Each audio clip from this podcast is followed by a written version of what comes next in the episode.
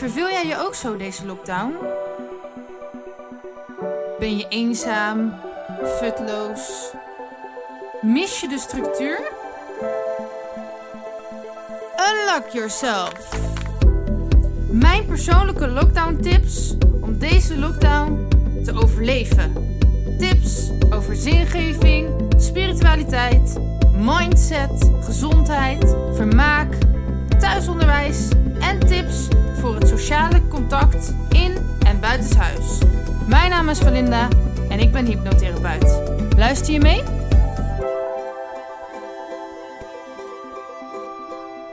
Tip 45. Level met je kind.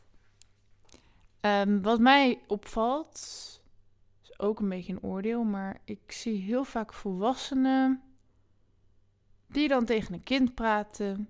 En ze bedoelen het allemaal heel lief en heel goed.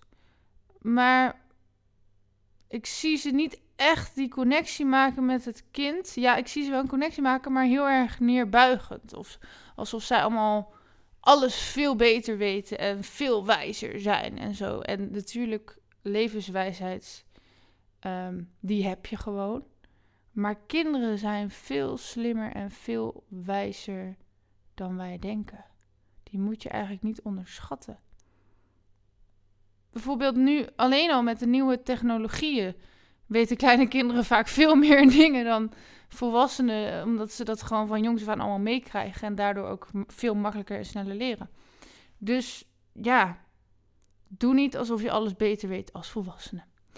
Um, maar goed, dit, ik maakte deze podcast niet om je te gaan veroordelen, maar wel om. Uh, kijk, ik had al een paar tips gegeven over dat hè, thuisonderwijs, dus of over opvoeding, of over groepen leiden. Uh, dat je dus echt die leider mag zijn, je plaats in mag nemen van degene die bepaalt wat er gaat gebeuren en de eindverantwoordelijkheid mag dragen. En in dat opzicht sta je boven de groep. Um, dat is iets wat jou de volwassene maakt, de leider, de eindverantwoordelijke. Maar heel veel mensen. Ja, dus, dus heel veel mensen zijn altijd op zoek naar die balans. Hè? Dus of je bent super dominant, um, maar daardoor kun je je helemaal niet meer inleven in je kind. Of je wordt dikke vriendjes met je kind, maar um, daardoor heb je niks meer te zeggen in huis over je kind, omdat ja, mama is mijn beste vriendinnetje. Um, dus, dus er kan mama niet opeens uh, ja, straf uitdelen of zo, want jullie zijn vriendinnetjes, zeg maar. Nou, daar moet een balans in zijn. Dus uh, probeer je weer eens voor te stellen hoe het eigenlijk is om een kind te zijn. Weet jij nog hoe je je voelde toen je ongeveer zo oud was? Voel je weer zo oud als je kinderen? Ik zit nog even te denken, als je dit dus voor leiding geven gebruikt en niet per se met kinderen werkt. Uh, dan alsnog, heel vaak als mensen opeens een leidinggevende functie krijgen binnen een bedrijf, dan leven ze zich helemaal niet meer in in dat personeel wat daaronder werkt, zeg maar. Terwijl ze misschien ooit die functie zelf hebben gehad. Maar opeens zijn zij de leider die van alles mogen bepalen. En kunnen ze zich niet meer inleven in die groep. Maar probeer ook eens te denken, hoe was het ook alweer toen ik gewoon uh, de uitvoerend werknemer was. En wat was er toen vervelend en irritant. En wat was er handig en fijn. Probeer je in te leven in je groep. Probeer dus ook in te leven in je kind. En zie het leven nieuwsgierig tegemoet. Ik hou het vooral even nu bij kinderen. Maak een creatief feestje van alles wat je doet. En nou, jij als leraar houdt wel de tijd, de planning en de structuur in de gaten. Dat is jouw verantwoordelijkheid.